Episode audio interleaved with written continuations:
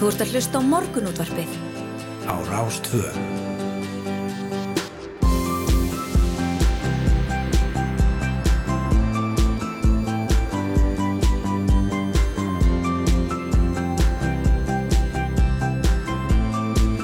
Morgunútvarpið Á Rástvö. Morgunúndarsvið býður góðan dag, þriðu daginn 22. februar. Klukkan átt að tíu myndir í sjö og það er yngvar þóru og Snæru Sindardóttir sem verða hérna með ykkur til klukkan nýju. Yes, það er ótrúlega gaman að vera mættið það að við óðum og brennistein til þess að komast upp í eftirleitt í morgun þannig að svo orðið komast. Það er ótt að segja að hvassviðri hilsi íbúum á Suðvesturhorninu og Suðurlandi núna í morgunsárið. Já, og mikill e, já, vasselgur sem hefur myndast greinlega víða á götum borgarinnar einmitt til að mynda á bústæðavegi þar sem við fórum um núna í morgun. E, Það er á stöðu vatn, þar var í rauninu bara stöðuvatn og, og í rauninu erfitt fyrir lítinn fólksbíla að fara þar í gegn. einmitt Þannig að hérna, það er eh, ágætt að taka þennan morgun bara rólega held ég. Já, ef ekki, hvort viltu hérna skýra það bústaða vatn eða hlýðarenda vatn? Ég var að pæla í Origo vatnið. Óriko vatn, Já. þetta er gott Samklega Origo höllinni sem var hérna beint hliðina. Óriko vatn, ok, já Erum við ekki alltaf að kenna eh, fleiri og fleiri hérna, hús og, og hérna, byggingar við fyrirtæki? Já, nei, einmitt, nákvæmlega, algjörlega Nei, nei, en hérna, en það eru samt uh, gröfur á vegum um. Reykjavíkuborgar og, og fleiri aðla úti að móka frá fráreinslum, það er, það reynir verulega á frárenslukerfið í borginni þessa, Já, já. Um, bara akkurat þessa stundina. Já, já, það er ótt að segja það og, það gekk mikið á í nótt 100 manns í fjölda hjálpast meðstöð með Rauðakrossin í grunnskóla Þorlósafnar eftir að björgunarsveitir komið þeim til bjargar þegar bílar þeirra festust á þrengslavegi í óðurinu þannig að það, hérna, þetta hafði áhrif víða, þetta viður. Emitt. Við ætlum mynda að fara aðeins yfir uh, hlutina, við ætlum að byrja þáttina á að ræða aðeins um veðrið sem nú gengur yfir landið, við helstu viðbrastaðala, við ætlum að ringja í búa Adolfsson í Grindavík og við ætlum að jafnvægt að ringja mannsambandi Magnús Stefán Sigursson og hann stóð í stórraðum í gerkvöldi á miklu braut hreinlega við að, að hjálpa bílum. Já, já, einmitt. Það er á var kallað saman til neyðarfundar ekki vegna óveðusins hér á landi heldur vegna ákverðunar Vladimirs Putins rúslandsfósita um að viðurkenna sjálfstæðim alþjóðu liðveldana Donetsk og Luhansk og þeirrar fyrir ætlunar hans að senda þangað rúsnest herlið til að sína fríðargæslu og hinn yfirlistum alþjóðu veld eru bæði í samlöndum hérðum í austur Úkræn og landsvæði sem einu nafni nefnast Donbass. Og við ætlum að ræða þetta við Óskar Hallgrímsson. Hann er ljósmyndari sem er búsettur í Kænugarði og ætlum að ræða hann um, um svona stöðu mála núna og kannski fyrst og fremst viðhorf íbúa til þessara átaka. Já, emitt, það verður fróld að heyra það, það verður mikið gerst síðan að, ég bara reynlega síðan við bókuðum þetta viðtala hann er gerð. Já, já, það er alveg óvægt að segja það. Einmitt. En Árstin KSI fer fram á lögadag næstkomandi og þar verður kosið um formann til næstu tveggja ára. Vanda Sigurkistóttir formaður sambandsins sækist eftir endurkjöri en Sævar Pétursson framkvæmdastjóri KA býður svo einnig fram til formans. Vanda kemur til okkur núna klokkan kortur í átta og Sævar verður hér á sama tíma á morgun en að það er ótt að segja að það hefur mikið gengið á innan fókbaltarhefingarnar undarvarna mánuði og að mikið verk sé framundan við að endurvinna glatað tröst. Það verður því áhugavert að heyra hver helstu áherslu mál frambjóðandan tveggja eru. Nákvæmlega. Og síðan er það, já, Namibí á Sameri. Einmitt um helgina bárst fræknum því að namibísk eðvöld hafi óskað aðstúðar Interpol til að koma þreymur íslendingum sem störfuðu fyrir Samherja til Namibíu svo þau getur borið vittni fyrir dómi.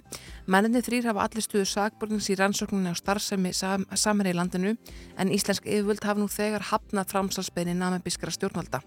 Þórtis Ingadóttir, sérfræðingur í alþjóðlegum refsirétti, kemur til okkar til að ræða réttastöðu þessara manna og hvernig hlutinni virka í svona flóknum sakamálum á milli landa. Það eru þetta ímis álda mál ef, að, ef að Interpol tekur þátt í þessu geta þessi menn ferast út fyrir landsteinina og svo framvegs. Já. Þetta er mikið, mikið flókið. Já, þetta er mjög flókið mál.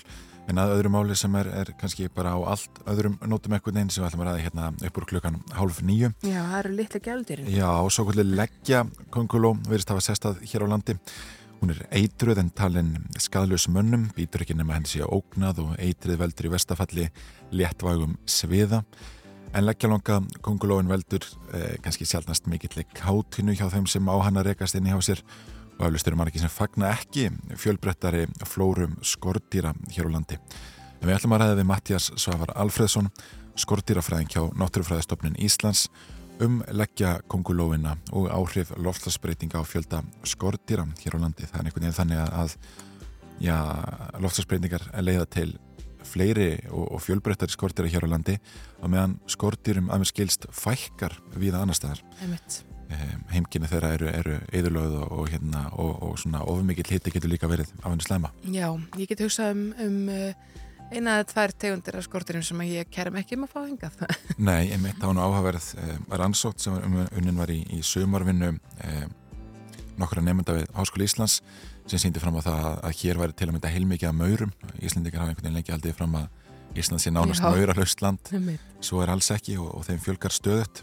Þa, það er samt svo merkjöld þegar maður fettir útlanda, sko, svona miðjarar hafslanda, þá er svo mikil áherslu alltaf lögð og maður sé ekki skilji eftir eina milstunist, þá koma mörarnir.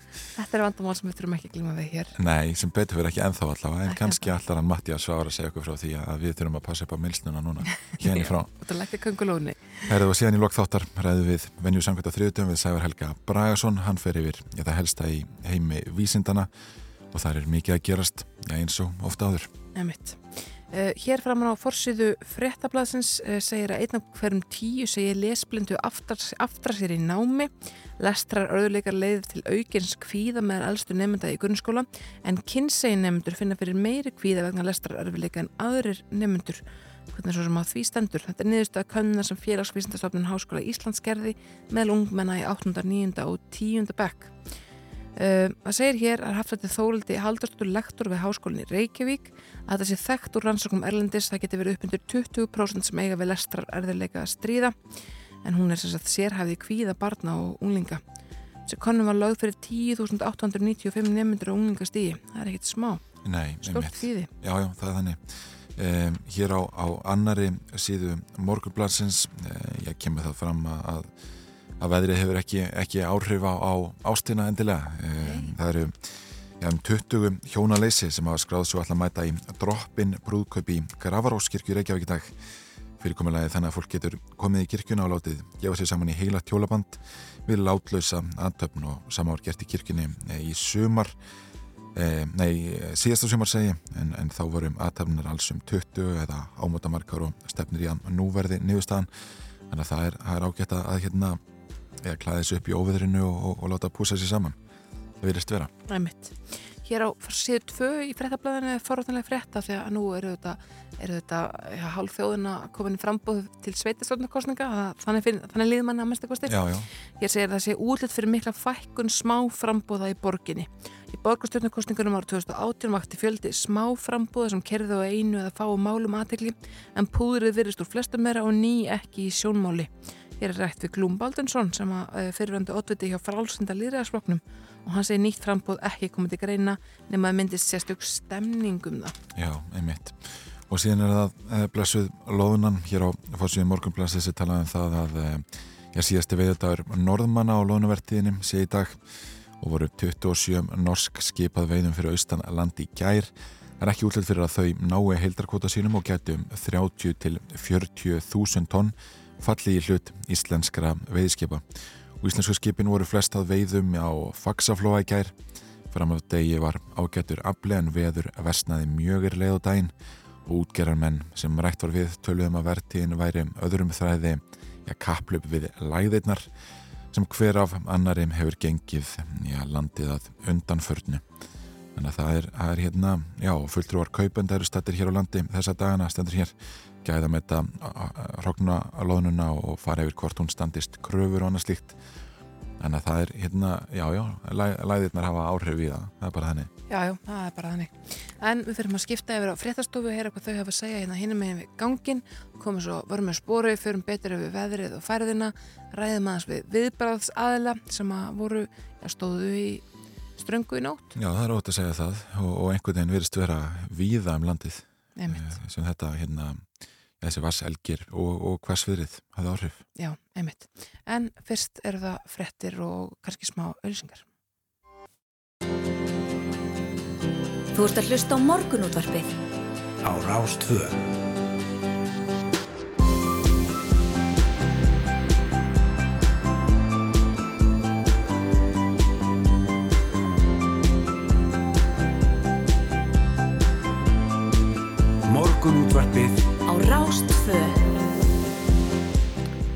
Við bjóðum góðan dag hér í morgunundurspunni á Rás 2 sjöfréttir af baki og við höldum áfram hér Snæru Sindarsdóttir og Yngvar Þór Björnsson með okkur til eitthvað nýju Já, já, einmitt, við ætlum að fara við það í, í þættinum í dag, við ætlum að, að ræða eins og alltaf á annarkvæmt þriðudag við Sævar Helga Bragason um heim vísindana við ætlum að ræða við skordýrafræðing um, já, leggja kongulóina sem er nýri landnemi hér á landi og áhrif loftslagsbreyting á fjölda skordýra. Við ætlum að ræða í ástandið í Úkrænu.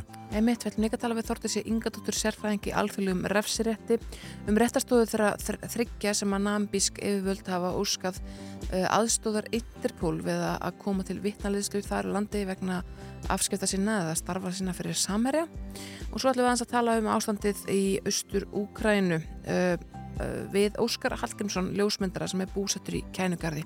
Já, og það uh, var bara einfallega það bara uh, brustu hérna stíplur í nótt svo má orðið komast. Já, já, það er ótt að segja það. Þau eru ekki sjáð saman eða þjóna kallað saman eftir að, að Já, Putin eh, já, greindi frá þeirri fyrir ætluna að senda rúsnest herrlið til að senda sína friðargeslu í Luhansk og Donetsk. Nei mitt, hann, hann hérna lísti þarna viðkendi sjálfstæði alþjóðlið veldar hann Donetsk og Luhansk og, og svona, já, þetta var það, það urðu á ákveðna vendingar þannig að ég sendi gerðkvöldi sem að, að já, fulla ástæð til að ræða. Já, já, ég meit, þetta er svona eina af þessum sviðsmyndum sem kannski var svona búið að teikna upp og, og, og kannski ég, ég hlusta það á hérna Breska ríkisúttarpið á leginni til vinnu og þar tala sérfræðingur um það að þetta væri svona svona hérna aðgerð sem væri kannski óvist uh, hvað kallað á miklar viðskiptaþinganir að hann var aðeins að prófa þessu áfram að, að, að það vissulega erði allt brjála eða myndir á þessinni kennugarð mm -hmm. en að friðu gæslu liðar e, í öllurhjóta Úkrænum það væri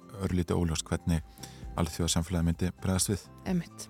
Hér að í hugleðingum viðfræðings á Viðstofu Íslands segir sem mjög djúb og kröpp lagð sem er hefist norður við breyða fyrir á vestfjörði en hún allir miklu óveðri í gerðkvöldi staðalagðarinnar veldur tvískiptum vindstefnum á landinu, austranstormi og snjókomi eða skafræningja norðanverður landinu en suðvestanstormi eða róki með regningu eða slittu sidra hiti yfirleitt nær frostmarki. Það er fjöldi viðviðvarana í gildi, bæði gular og appilsningular en það er falla hverju annar úr gildi setnipartin. Ferðalangar eru því hvert til að vera varðbergja gegn sviftingum í veðri og færð í dag.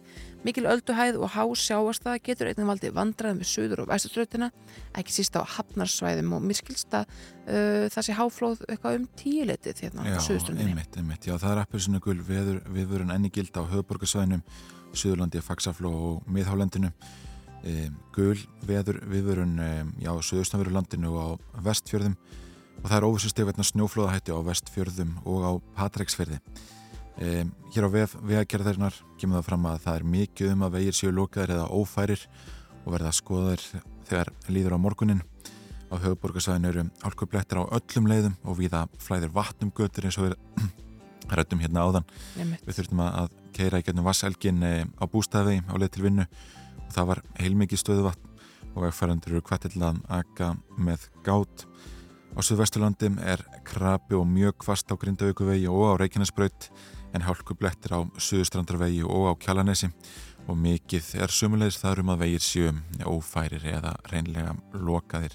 Þetta á við um Krísuvíkuveg, eh, Mosulsheiði, Helliseiði og Þrengsli, þar er lokað og eh, já, vona á eh, nánari upplýsingum um hádegi. Á Vesturlandi er flug hálka við hafursfell, snjóþekja eða hálka á flestum leiðum sem eru færar og þæfingsvarð á útnesvegi. Á vestfjörðum eru flesta leiðir ófærar með að lokaðar þó er þæfingsvarð í súandafyrði og um, já, vegurinn um Súðavíkulíði lokaður, vegurinn um Flatirarveg sem er leiðis og Steimkvísfjörðarheiði þannig að þetta óveður um, já, hefur áhrif víða og, og gott að þeir sem þurfa að vera eh, einhvað á ferðinu núna fyrir hátegi heimsæki bæði vef veðurstofu og vegagerðar. Einmitt, það er borgast að fara bara varlega Við viljum kannski að heyra smá tónlist hér í uppháðu þáttar? Um, Ég talaði eins um það í gerð þegar ég sætti með huldu að mér væri að fara lengi eftir vorinu sem að kemur kannski ekki á orð Nei, ég held að margir takki undir það á dögum sem þessum. Algjörlega, ég hef ekki að nota þetta lag til þess að, að svæla vorið fram. Þetta er lagið vorið með GTRN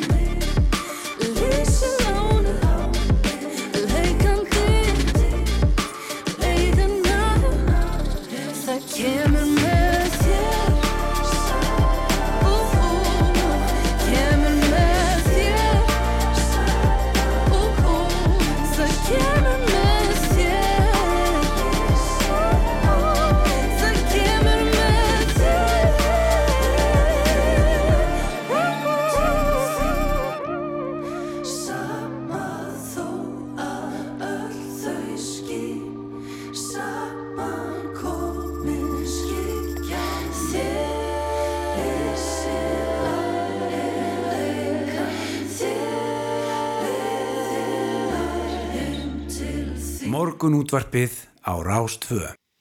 Jú, óviðrið sem gekk yfir Suðvesturhórnið í gerðkvöld var hvortveikja kvast og blöytt og það var nóg að gera hjá Björgunarsveitum og það er enn appilsunugul veður viðvörunni gilda á höfborgarsæðinum, Suðurlandir, Faxafló og Miðhálendi og, og e, gular veður viðvarnir.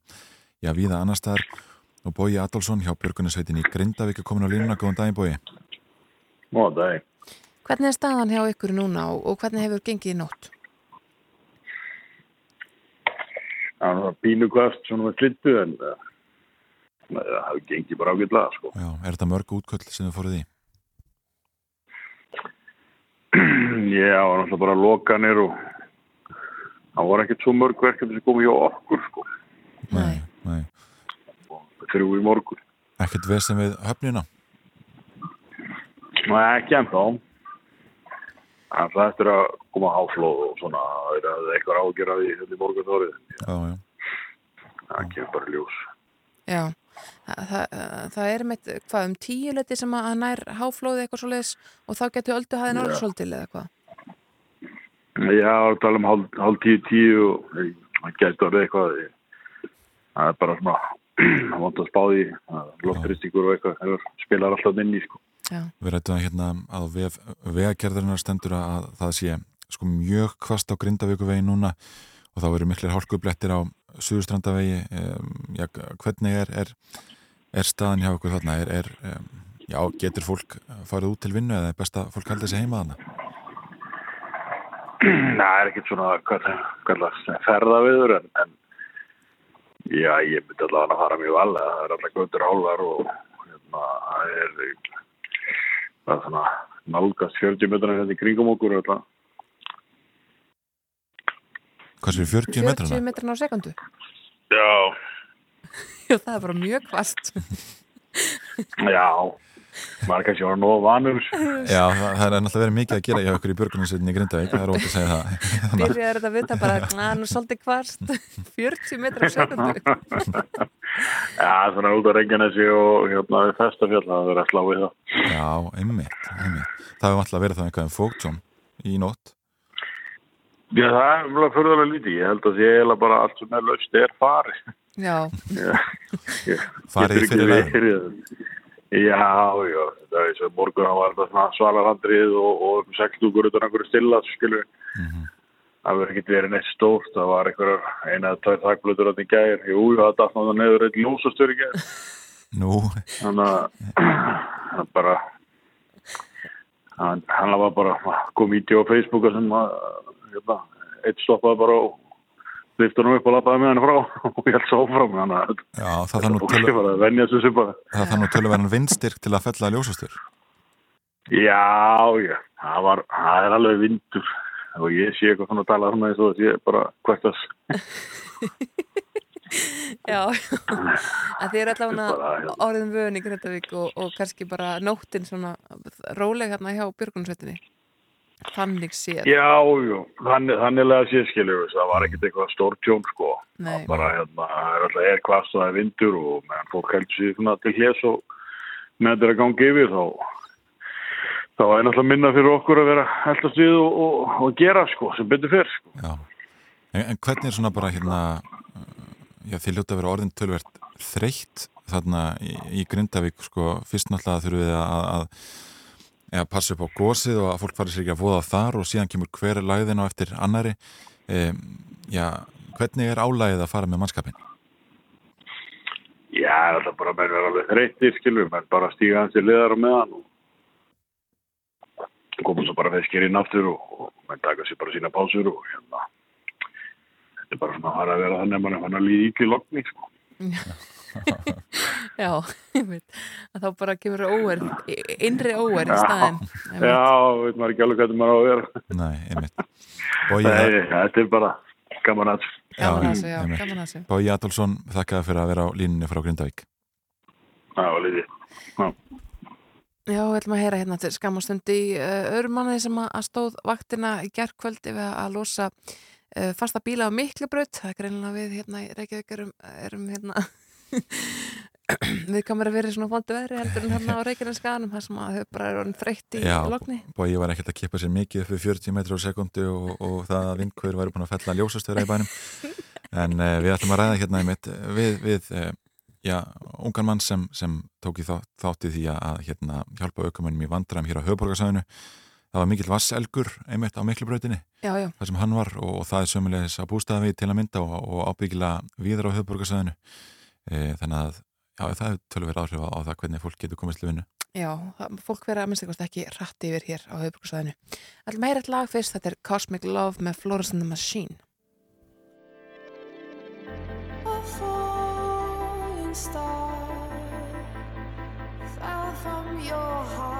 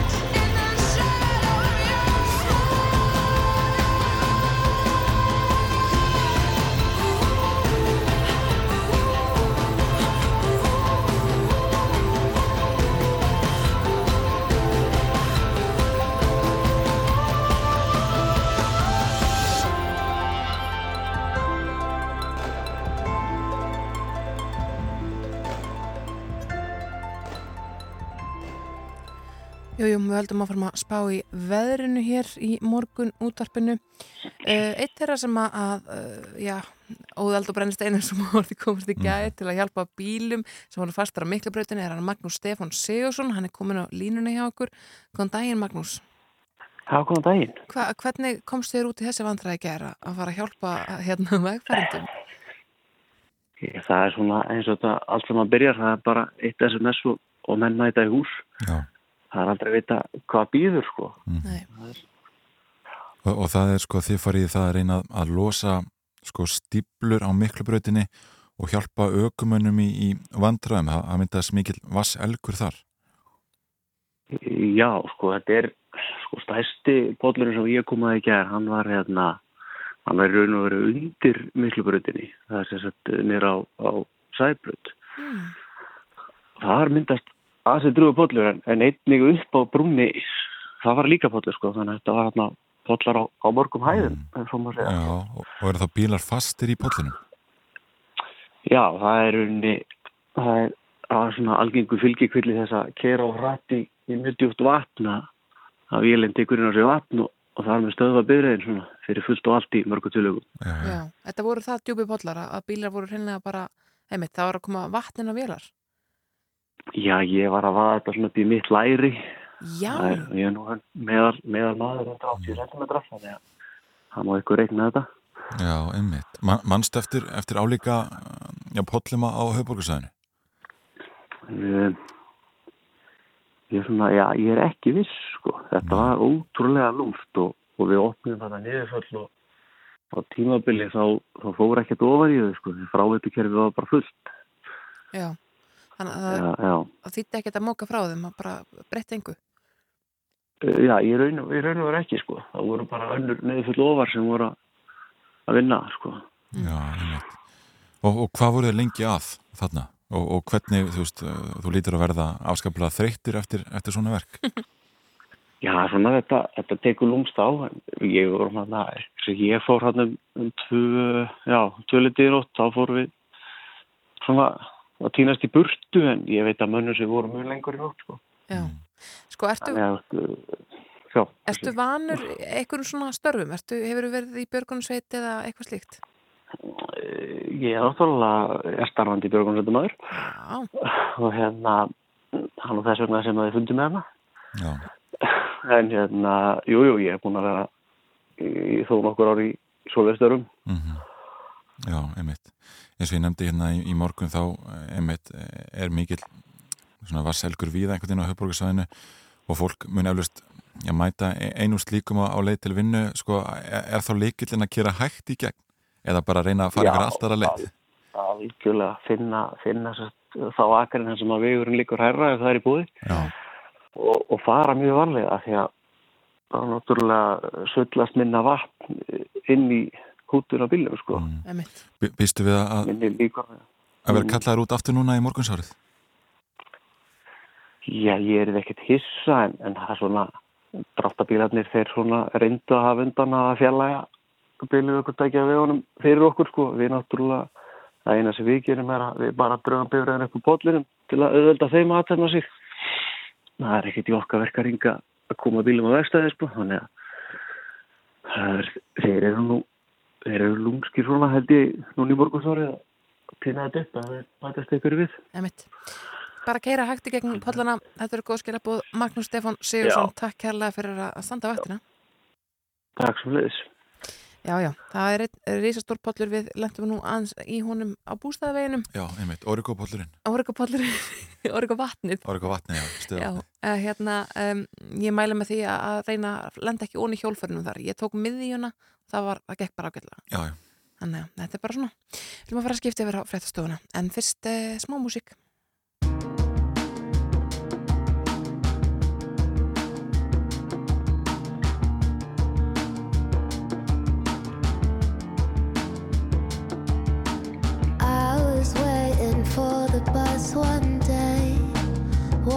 Fight between a Aussie couple escalate.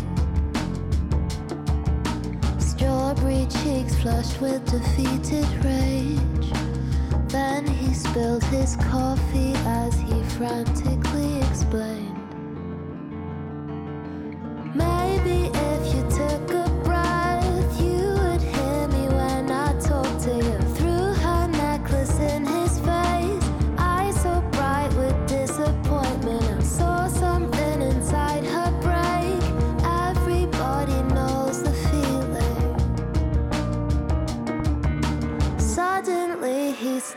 screaming.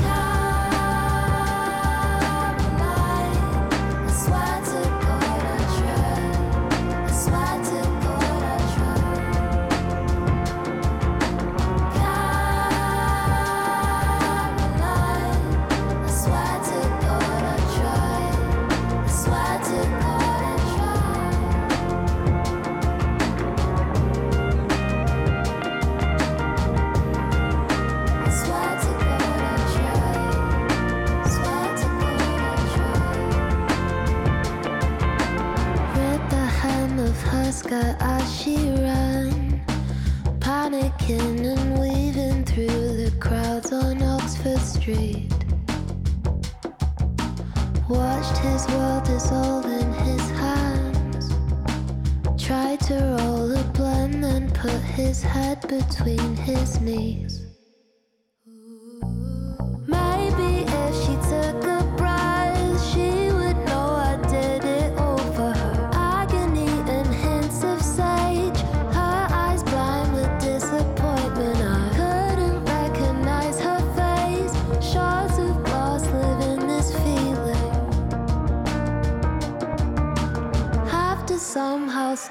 sleeping.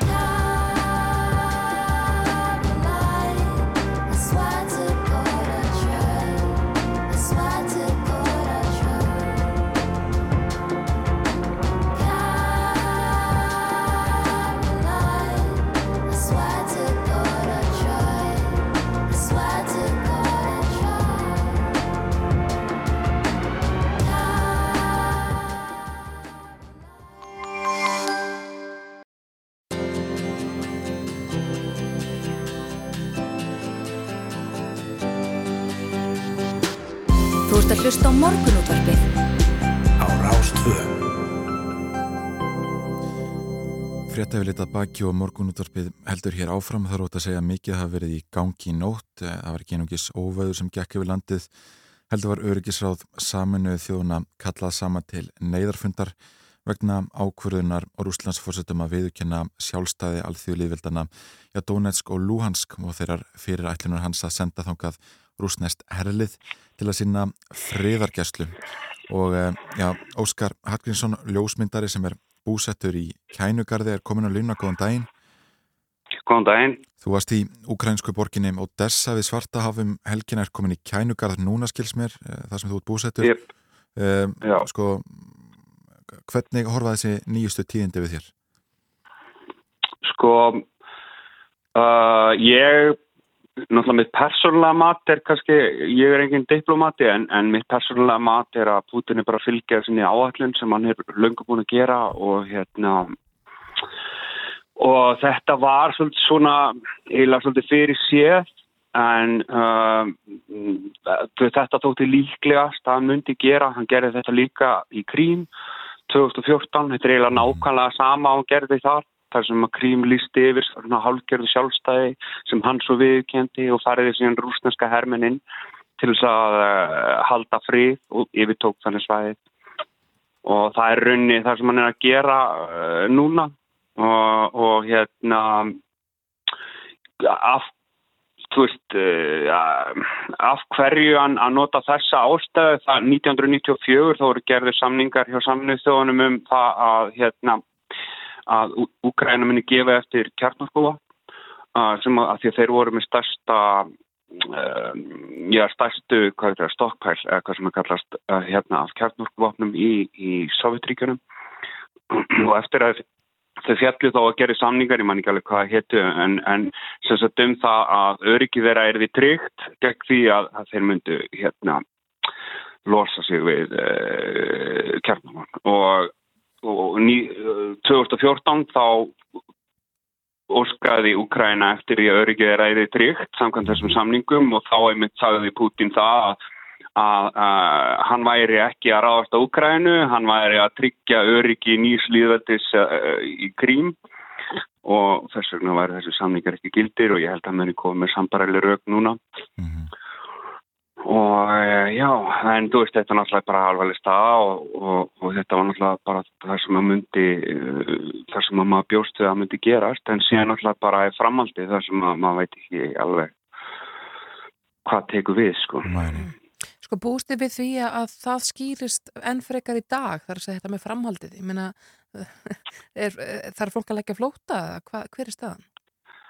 Sko fólk þarna við þetta svæði er öruglega mjög hægt og, og hérna enda veist uh, en sko við þetta svæði og þegar ég segi við þetta svæði þá er þetta sagt, uh, fólk kannski, kannski kannast ekki við það svæði sem er basically beint fyrir ofan krím, austan mín mm -hmm. heitir Donbass og eitt þriðji hluti Donbass er undir stjórn aðskilnaðasina mm. uh, tveir þriðju er undir stjórn ukrainska hersins mm. og, og, og rúsneski herin er að færa sig inn á það svæði mm. þessa, þessa línu þarna upp eftir og það sem fólk við þessa línu hefur raunni verið búið við stríðsíðslegin 8 ára og svolítið vanti og mjög mikið að fólki fari frá þessum svæðin nú þegar út af, þeim, út af því en ég hugsa fólk uh, þar hugsa sig til uh, færings og færi sig innar örgulega eitthvað verstar.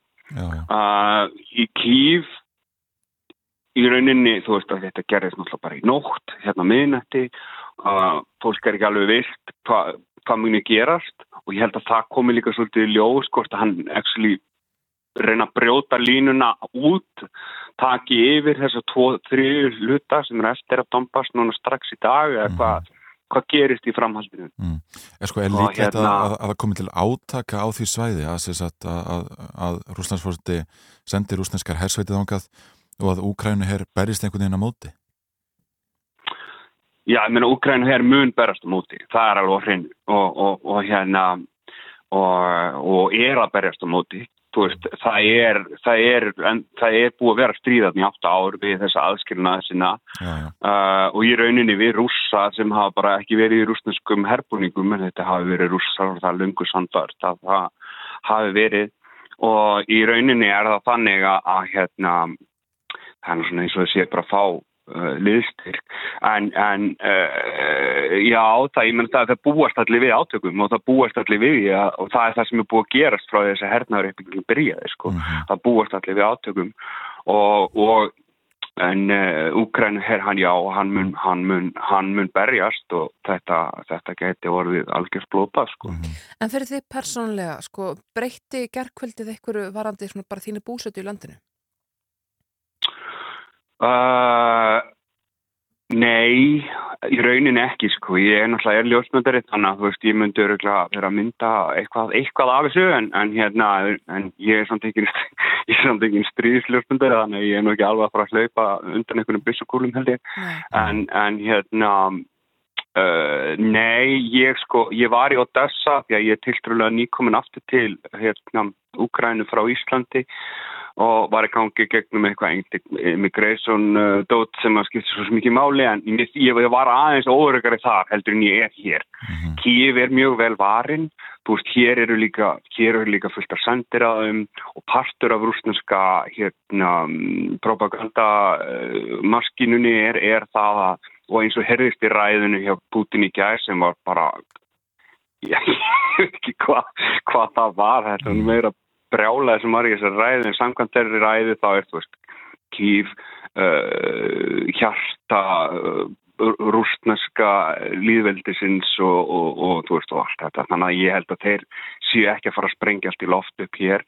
Og, og pluss það þeir eiga eiginlega ekki efna á því endurbyggja þannig að, þannig að ég held að ég sé örugur í kýf eins og þeir og flestir eru nú eiginlega alveg sammála um það að maður sé nokkuð örugur í kýf. Já, einmitt. Það hefur bæst í hóp sko, flugfélaga sem hafa tímabundið hægt flugi til Úkrænu vegna stöðunar, sko, er frans tilkynni gæra að fyrirhugum ferðum milli Kennugars og Paris að hefur verið aflýst. Sko, hefur þetta mikil, mhm. mikil áhrif á daglegt líf íbúa Úkrænu? Það er að segja þeirra sem ég bú ekki í þessum austur hérðum. Já, ég meina uh, ég bara efnaðslega þá er náttúrulega grifnan sem er, er gælt meðin hér, hann er búin að falla tölvert alveg um 10-15% núna bara frá því að, að þessi mikla hernaður uppbygging byrjaði. Og síðan ofan á það er náttúrulega held ég, þú veist, atbyrði síðustu daga eru fyrst, fyrst táðum að fara að sjá úgrænum en hér virkilega farin að pæla eitthvað í þessu. En fram að því voru Ukrænumenn einhvern veginn bara já, þetta er bara eitthvað stríð á myndli, þú veist, uh, diplomatist stríð sem verður aldrei að neinu en þú veist, núna sjá þeir að það kom, komnar herdildir inn í Ukrænu og, uh, fólk, ég held að fólk uh, þetta breytir lífið þeirra öðruglega mjög mikið sko. En þú veist, það veit engin neitt, það er nefnilega máli og það er svo erfitt að spá í þetta af því hann er svo mikið brjálæðingur, það er bara það er bara, maður verður að segja það eins og það er, þú veist, hann, hann er líklegur til alls og hann er með hersveitir allt í kringum landið, alveg upp eftir, upp, eftir landamæðunum, alveg norður að hérna Kvítarúslandi, hann er með hersveitir inn í Kvítarúslandi, hann er líka með hersveitir inn í Transnistriu sem er svona aðskilnar hér að við uh, suð-vestur hlutalandsins, þannig að, þannig að hann gæti gert margt og öll spilin er á borðinu og það er eiginlega það sem að flestir uh, aldrei á leittuar er að segja. Nákvæmlega, Óskar Helgvinsson búsettur í kænugarði, þakkaði fyrir að vera á línni og, og við hefum öflust þetta að ég heyr aftur í þér. Já, takk alveg fyrir og bara verðum í bandi. Já, við heldum áfram hérna í morgun útvarpinu, hún er að fara að koma sér fyrir hjá okkur Vanda Sigurðsdóttir sem að, já, for, er formað KSI og, og uh, býður sér nú fram aftur uh, til formans, hann verður hjá okkur á morgun, Sævar Pétursson, hann er mótframbjóðandi en fyrst eitt lag.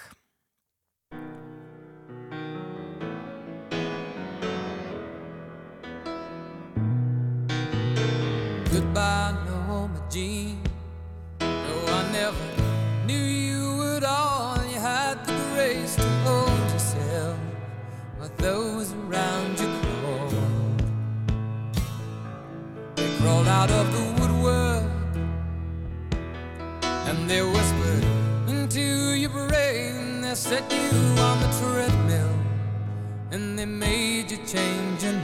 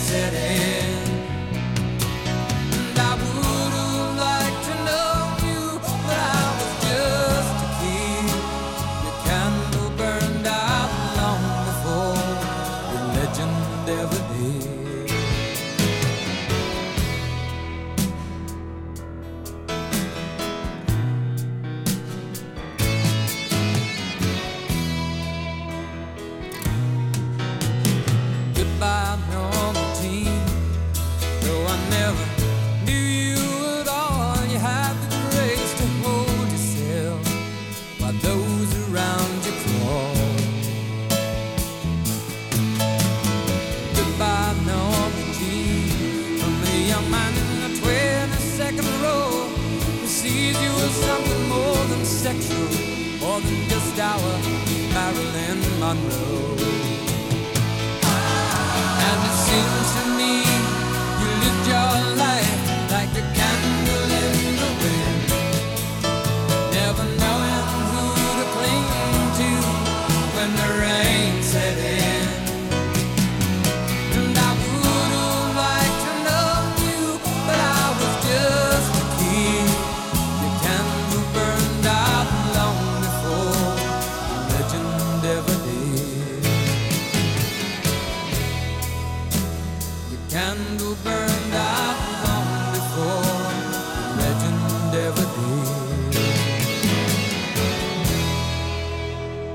Morgunútvarpið alla virka daga til nýju á Rástfö. Nú ásting KSI fyrir fram á lögadaginn næstkomandi og þar verður kosum forma til næstu tveggja ára. Vanda Sjöfíkistóttir formaði sambandsins segis eftir endurkjöri en Sævar Pétursson framkvæmdastjóri Káa byggðu svo einni fram til formans og Vanda er komininga til okkar. Góðan daginn. Góðan daginn. Það er kannski hérna, já, þú, þú sko tókst þið náttúrulega aukaþengi sambandsins í byrjun oktober Mm -hmm. og sagði að það væru erfið verkefni framöndan og hreyfingi þurfti að endurvinna traust þjóðarinnar. Hefur það tekist á, á síðustu mánuðum? Já, mér finnst það svona að hluta. Ég segi sjálf að ég kom, það var náttúrulega mikill bara stormur og við fengum það verkefni að svona læja öldur og búa til betra veður og mm, já, mér finnst að það hafi tekist. Ég samt líti á sé eiliða verkefni og ekkert eitthvað sem þú klárar að gera hreyfingarna örgari og allt það en hérna, en jú, mér finnst það. Sko það hefur verið bara mjög mikil olga og það hefur líka, þú hefur sætt mikil gaggrinni sem formaður síðan tókstu við í hinnum ymsu hérna íþrótt á þáttum og svo framvegs sko líður eins og það þú hefur bara verið í, í mótvendi frá því að þú tókstu leiklunum. Næ, nei, nei, alls ekki. Ég, ég var með mjög góða stjórn með mér og kom hann inn í rosaflotta starfsóp og skrifstofunni sem tóku mér mjög vel og svo hefur fólki í reyfingunni allan tíman tekið mér mjög vel. Mm. Þannig að, við, þa- þannig að svona, þessi stormur í fangi var kannski, ég veit ekki, einhver podcast og eitthvað þannig og, og eitthvað svoleiðis en nei, mér leiði ekki þannig í starfinu, nei. Nei. En aftur á móti, sko, verkefnin ærin og, og mikil áskorun í þeim. Já, já. Sko hvaða skref hafa verið stíðin í þá átta að endurvinna traustið? Við náttúrulega, sko, bakkjarlarnar okkar, þeir bara eðlilega og leist ekki á þetta þannig haust, þannig að það voru, hérna, og þeir komið með yflýsingar hverju öðrum, varðandi svona bara hvert að þeir sæði sér fært að stiðja við knæsmyndsambandi áfram, þannig að það hefur farið mikið vinn í það, uh, bæði hjá mér en ekki síst hjá Stefáni sem er yfir okkar markasmálum, þannig að hérna, og bara með bakkjarlarum okkar sem hefur verið bara, og enginn aðeins með farin sem er nú bara afreg út af fyrir sig með að við allt sem gekk á, finnst mér, bara ég vil bara nota tækifæri og þakka þeim kella fyrir það að standa með okkur í gegnum þennan ólgu sjó e, og svo erum við náttúrulega kannski mesta vinnan hefur verið að fara í þessi aðgerra plön, hvernig varandi þennan, þennan part. Ég segi alltaf að þetta var tvískipt verkefni, það var annars vegar fókbalti og hins vegar þessi erfiðu flóknum mál og við erum svona komin lang leiðina en við höfum aðeins verið að býða eftir ISI og svona um, starfsópi kringum hérna, samskiptarákjáðan sem er að koma bara núna, það er að koma frá ISI núna í mars Mm. áður en að við svona full klárum okkar okkar verklag. Mm. Sko það, það auðvitað, um, þeir settu að fót nefnd eða svona áhalgjara rannsóknar nefnd sem að, Mhm. að fóri yfir uh, þau mál sem- var ofbeldi sem hafa snert hreyfinguna, uh, aðstóðar þjálfari í, íslenska kallalandsins hann, hún var gert að hætta það var gerður samningur við hann uh, það kom frétt bara núna fyrir nokkrum dögum síðan að Þorglum Þránsson hefði hýrta fyrst í fjölumöðlum að, að hann hefði hérna, sko hefði ekki lengur hlutverk með landsliðinu og svo framvegis það, það lítur út fyrir að það hafi verið ákveðnar hinsanir og svolítið mikið gengið á um, menn sem að, að munu líklega aldrei spila með landsliðinu voru mjög fyrir, fyrir mikið fyrir nokkur mánu síðan og sko vegna þeirra mála bara já, ég meina það, það er bara þetta, þetta er einhvern veginn það var gert grínaði í, í hérna ármundsköpun það væri bara einhvern veginn auðu völlur í félaginu er Nei, staðan þessi? Nei, nei.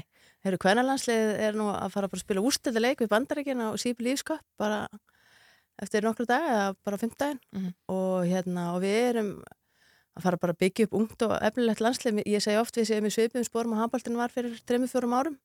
Nú er, nú er bara komið okkur að fara að byggja upp. Mm. Og ég, mér finnst mjög mikilvægt að, að, að í staðan fyrir að vera að að horfa í baksinspilin, að við, ég vil að við horfum fram á við. Þetta er risastór reyfing, þetta er 30.000 yðkendur fyrir utan alla sjálfböðlegan og allt fólkið í kring. Og hérna, við, þarna eru börnin okkar í, hérna, mæta oft í viku á fókbaltæðingar út um all land og það er þetta sem að ég vil stiðja og styrkja og hérna, og þetta er, þetta er ekki fullkomur reyfing en þetta er góð reyfing og, og hefur Mm. mikið uppbeldist þetta gildi og samfærslega áhrif við þurfum náttúrulega að, að, að gera þetta vel, við þurfum að vanda okkur en, en ég er mjög bjart á framtíðina Mm. Sko þess að við nefndum hérna á þá er Sævar Pétursson, framkvæmdastjóri Káa, einn að bjóða sér fram sko bjóstu við, útbúin að vera í þessu starfi í einhverja fjóra mánuði, fimm mánuði Mm. bjóst, bjóstu við mót frambúði strax og er það ekki, já, merkjum einhverja óanæg með þín störf innan sambandsins Nei, það finnst mér nú ekki ég hef ekki orðið verið það að það sé óana mín starf en mér finnst bara eðlilegt í svona stórum samtökum að það Mm. komi mót frambúð Eh, Ég hef sagt það sjálfa, ég er bara, ég sagði verið þakklátt vegna þess að í þessum mótframbóði þá er svo mikið tækifæri fyrir mig að þegar ég er búin að fara víða og fara í heimsóknir til félagana og ringja og er að sapna bara mjög hérna, ég, er, ég kalli þetta 100 daga áallun, ég er að ræna þessari hugmynd frá fórstu bandarækjana Mm. sem er oft með svona fyrstu 100 dagar embætti þannig að ég er að sapna bæði mínum eigin áherslupunktum og ekki síst frá félagunum í landinu varandi það sem ég ætla að gera fyrstu 100 dagana til þess að stiðja og styrka við félaguna því það er verkefni okkar nummer 1, 2 og 3 við erum að koma lösku eftir COVID og, og við þurfum að, að hérna að fara í þá vinnu. Þannig að hérna, Þú lítur ekki á sæfa sem málsvara einhverja óæðnægur ratta í reyningunni. nei, ég ger það nú ekki. Nei, ég get ekki, ég sé enga vísbendingar úr það og ég heyra þær ekki heldur þar sem að, hérna, við það fólk sem ég tala við. Nei. Ég fæ bara já, jákvæð viðbröð og, og hérna eins og þú sagði sjálfur, ég er búin að vera stutt og það var æri verkefni og, hérna og ég er náttúrulega bara að fara þessu leitur heinguna, það gefur mér tækifæri til að, að, að halda áfram með þessa vinnu og við séum ekki að skiptum formann, séum það ekki með þrjá formenn á, á fimm mánuðum sem ég held að sé kannski ekki gott fyrir heinguna upp á svona stabilitet þannig að ég fá að halda áfram þessari vinnu, það er náttúrulega það sem ég er að byggja um og, og margir taka bara mjög vel í það Það hefur aðeins uh, borað því að fólk tala um það að, að það sé svona kynjaslags í þessum málum. Það er að segja að þér mæti bara ósakjöð gaggarinn því að þú ert kona. Uh, þetta mótframbóð sé á því að kallanir vil ekki unna konu að stýra þessu félagi og svo framvegis. Sko, um, er þetta þín upplifun að, að þú sért að fá að þér beinist spjótin einfall átta kynferðinu? Nei, ég hef ekki, nei, það finnst mér nú ekki. Nei. Eins og ég segi, mér hefur bara verið tekið mjög vel í þessum samtölum mínum og, og hérna, ég hef ekki upplifað það. En, en þú er þið fyrsta konan sem að, að knatspinni sambandi Evrópu myndi kjósa sem formann ekki satt? Sko, ég var fyrsta konan sem tók til starfa þegar ég tók til starfa hann í oktober. Mhm. Eh, En síðan þá er hérna komin kona á Englandi, bara frábært, og ég held mér þess að það sé að koma inn í Noregi. Já, einmitt. En ég var náttúrulega, já, fyrsta konan Já. sem tók til starfa sem ég við eigum að vera stolt af að því við eigum nú fleiri rosalega flotta konur sem að hafa hérna Vigdís Fossetis og ég byrja bara henni. Þannig að við eigum að vera stolt af þessu. Já, já. En sko fyrir þá sem geta eh, kosið á lögadaginn, sko, hversna fólk, fólk að kjósa þig og, og meitur það sem svo að það sé mikill munur á, á þínum áherslum og áherslum sæfars? Nei, ég hef, ég, hef, ég hef nú ekki kannski séð einhvern svona mikið mun en, en, hérna, en ég hef ákveðið í þessari kostningum bara að einbytta mér fyrst og fremst að sjálfur mér og það sem ég ætla að gera. Þannig að, að fólk á að, á að kjósa mig vegna þess að ég ætla að, hérna, að taka þessa baróttu fyrir félagin í landinu mjög alvarlega. Ég ætla að breyta svolítið starfinu frá því sem hefur verið. Ég ætla að fara í þessa 100 daga áætlun, mjög markvist. Ég ætla líka að færa skrifstofuna út um landið, byrja fyrir austan núna í mars-april og vera viku þar og svo ætla ég að fara með skrifstofuna hinga og þanga til þess að ná betri tengslu við félaginu í landinu. Þegar ég finn það í samtölum mínum að það er svolítið mikil munur á hvað hérna þú veitu, höttur og eilstöðum þar með við kannski breyðablik. Já. Þannig að þetta er ekki að sama allstar og þetta eru mörg sjónurhort þannig að það er svo mikilvægt að, að til þess að maður taki sem bestar ákvarðanir að maður sé vel inn í, í hérna, þeim veruleika sem að félaginu í landinu er að glíma við í rauninni. Hefur þetta ekki verið gert áður innan KSI? Hefur, hefur ekki verið hlúið nóg vel að uh, landsbyðaliðinu? E, pff, það, það er nú elvitt kannski fyrir mig að svara til það en ég, jú, jú, það, ég held að það eða sumum finnst að það hef ekki verið gert nógu vel. En aftur, burt sér frá því hvað verið hefur gert, þetta er bara sem ég ætla að gera það sem að mér finnst mikilvægt að gera. Ég vil berast fyrir félögin ég vil að við sko þessi félögur eru reygin að sjálfbóðliðum út um all land, þannig að við þurfum sem bara þjóð fyrst mér að fara aðeins að hugsa það varðandi innra starfi í félögunum. Uh, þurfum við ekki að fara þarf ekki ríkisvaldið að fara að fara að koma meira að þessu starfi, ekki bara í mannvirkjónu sem við erum þakklátt fyrir, heldur líka í innrastarfinu þannig að það eru svona fullt að þáttu sem að hérna, þarf að, meðan að sumstæðar er að fjölga er annars það er að fækka. Þannig að við erum bæði sókn og vörd hvað það var þar við þurfum að koma fólk upp í sófanum og ég held að þetta sé verkefni okkar sem þjóðar eftir að við erum búin að vera inn í tvö ár öll og það, svo, það getur verið svo þægilegt að koma heim að fara í sófan við vitum það.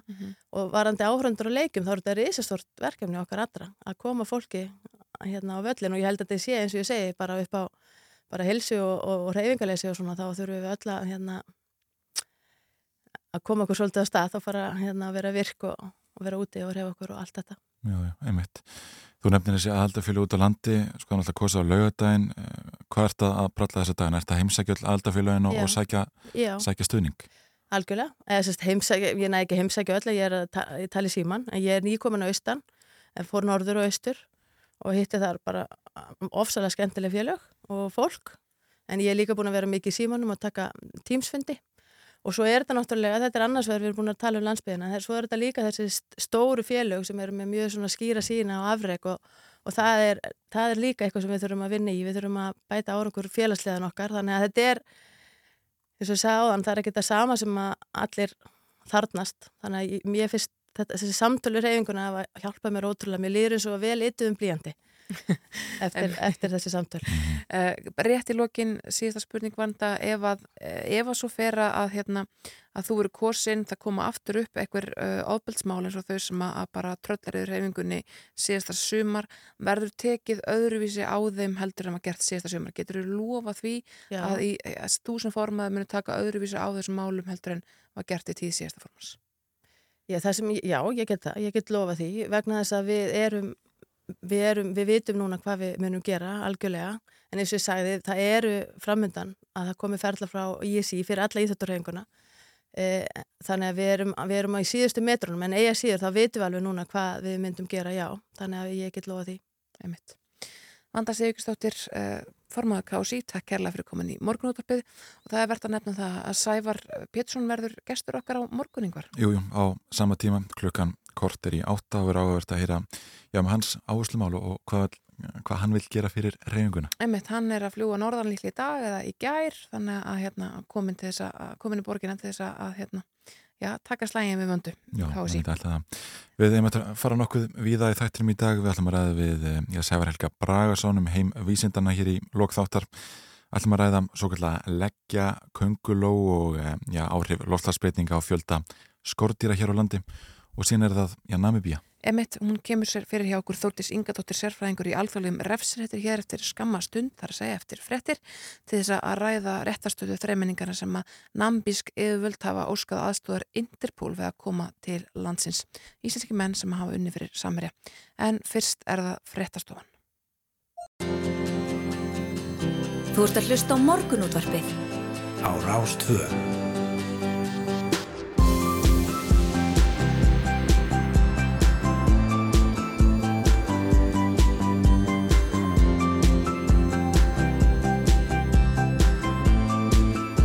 Rástvö Morgunútvarpið Á Rástfö.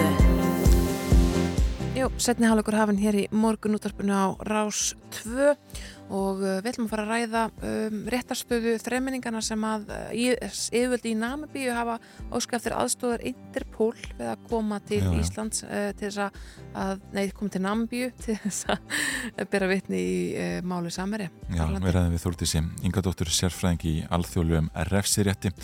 Hún ætlar að koma til okkur að ræða réttarstöðu þessara manna.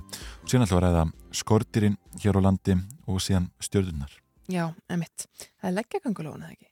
Það er leggjakongulóin sem er nýr landnemi hér á landi og, og verður eflust einn af, af mörgum landnemum hér á næstu árum eh, svona ef við miðum við loftlagsbreytingar. Já, huguleg framtíða sín. Fyrst er að leið fyrirfram með Jóni Jónssoni.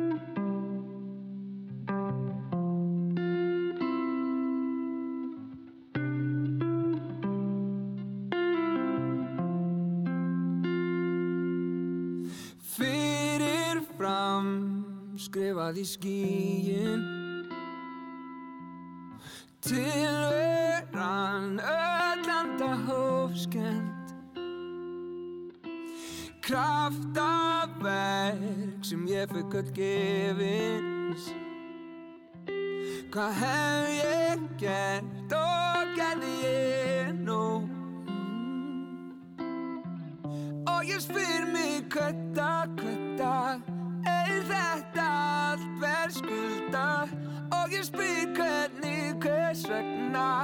Er ég komin á þennan stað? Spóla tilbaka til að sjá það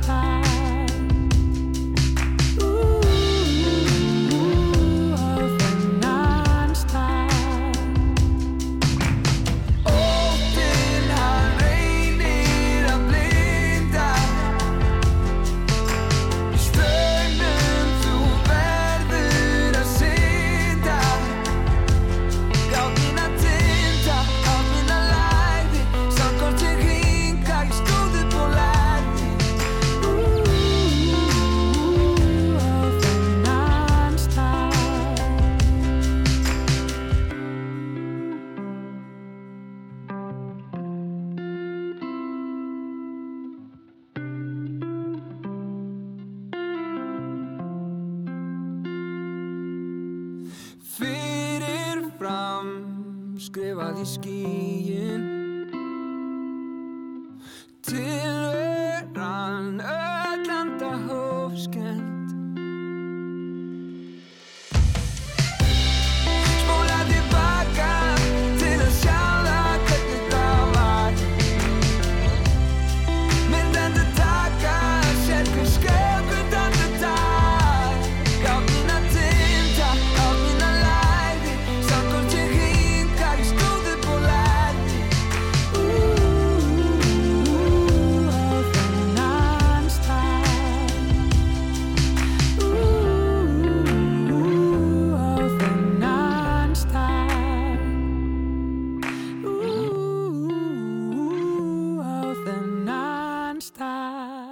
Vaknaðu með morgunúttarpinu á Rástfö.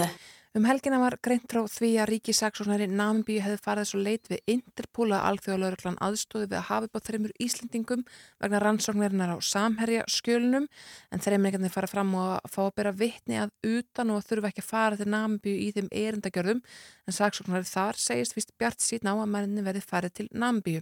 Hún er kominninga til okkar Þórtís Ingadóttir sérfræðingur í alþjóðlegum refsirétti þess að ræða réttastöðu þessara manna og svona hvernig þessi hlutir virka í flóknum sakamálum á milli landa. Ertu velkomið Þórtís? Takk.